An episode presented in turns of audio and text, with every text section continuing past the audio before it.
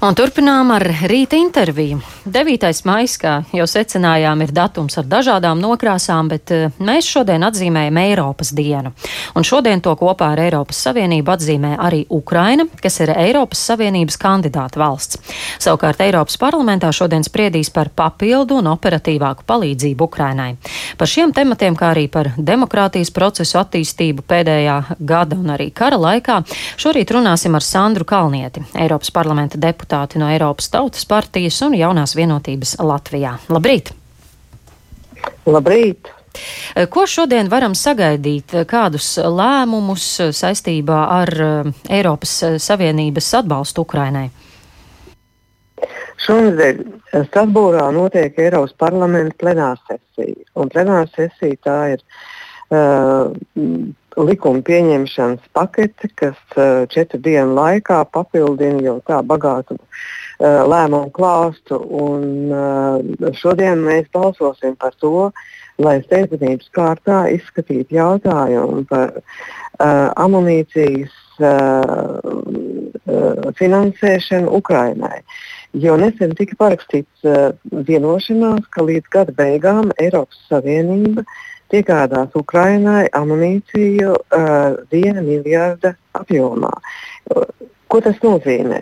Tā lielākā grūtība ir tā, ka šobrīd uh, Eiropai ir jāsaražo šie, šie nepieciešamā amunīcija, un lai to pasteidzinātu un nevilcinātu lemšanu, mēs uzskatām, uh, Eiropas Tautas partija, ka šis jautājums ir jāizskata steidzamības kārtā. Eh, lai, lai to varētu sākt strauji īstenot un mēs savus saistības pret Ukraiņu izpildītu. Taču tas nav vienīgais lēmums, ko mēs pieņemsim saistībā ar Ukraiņu šajā plenārsesijā.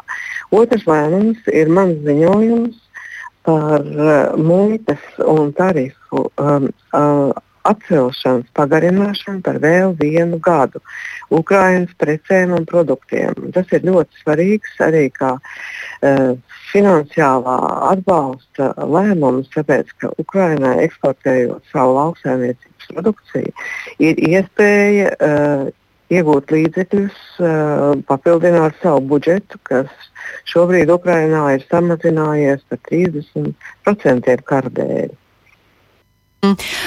nu, tas, protams, ir viena lieta Eiropas uh, atbildība, bet, ja runājam par pašu Ukrainu, kā jūs redzat, vai Ukraina cenšoties tuvināties Eiropas Savienībai arī patiešām kļūst arvien eiropeiskāka?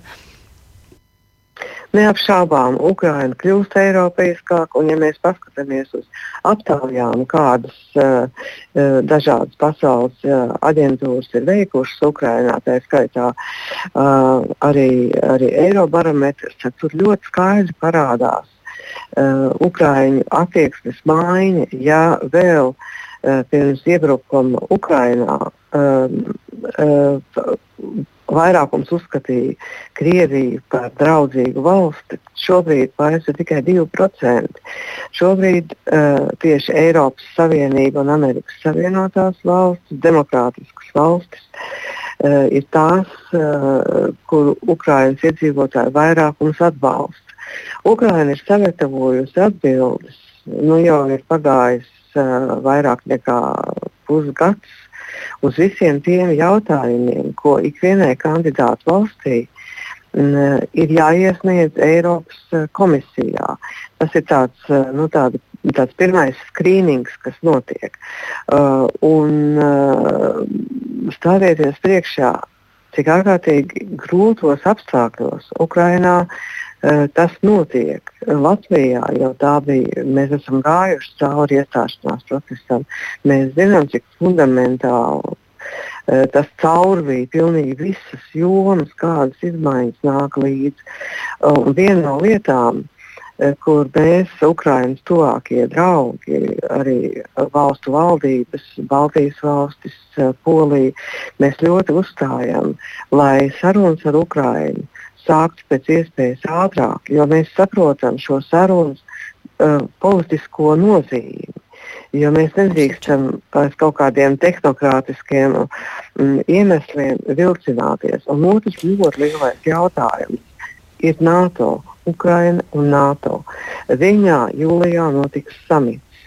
Un Ukrainai šajā samitā ir jāsaņem nepārprotama vēsts ka tā kļūs par NATO dalību valsti. Nu jā, tā tad uh, Eiropas Savienība un arī NATO dalību valsts ir tas ceļš, kurā virzīties, bet uh, mums arī jāvirzās tālāk. Mūsu sarunā tomēr gribu vaicāt par to, kas šodien jā. arī iepriekšējās dienās notiek vairākās Eiropas galvaspilsētās.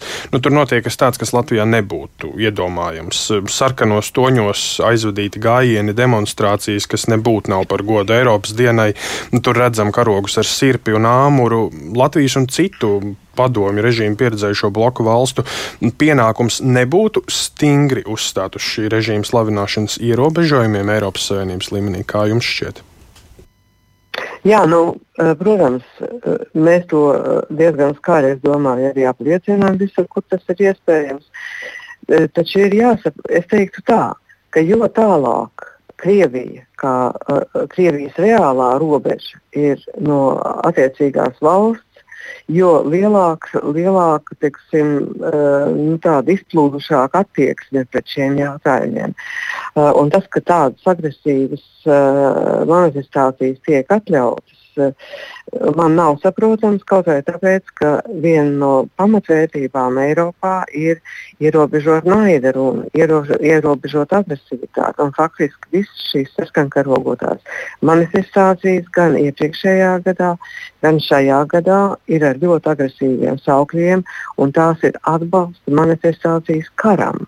Jo Krievija karo Ukrainā, Krievija Ukrainā ir iebrukusi. Ja? Uh, Un es uh, nesaprotu, uh, kā teiksim, uh, juristi, tiesneši var pieņemt lēmumu pēc burta, nevis pēc būtības. Jo, piemēram, Berlīnas administratīvā tiesa anulēja lēmumu, eh, kurā bija nolēmts, ka 9. maijā sarkanie karogi Krievija, un arī Krievijas karogi nedrīkst parādīties Berlīnas ielās.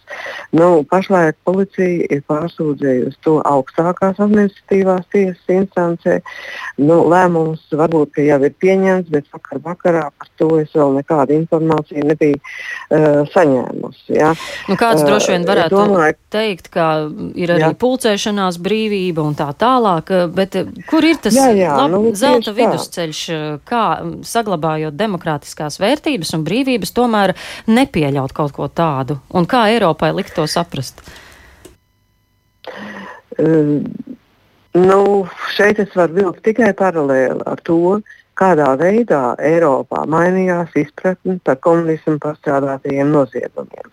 Tas ir ļoti lēns process, un es domāju, ka Eiropai šobrīd ir ļoti grūti saprast, ka viņu liberālisms aiziet par tālu, ka faktiski ar, šī, ar šo pieļāvību viņi apdraud uh, savas valsts sabiedrības stabilitāti. Uh, tāpēc iekšlietu un tieslietu sistēmām tomēr ir jāvērtē pēc būtības tas, kas notiek.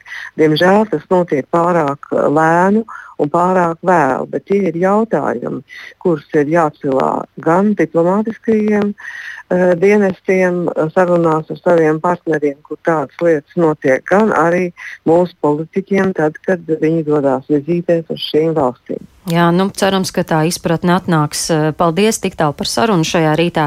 Sazvanījāmies ar Eiropas parlamenta deputāti Sandru Kalnieti.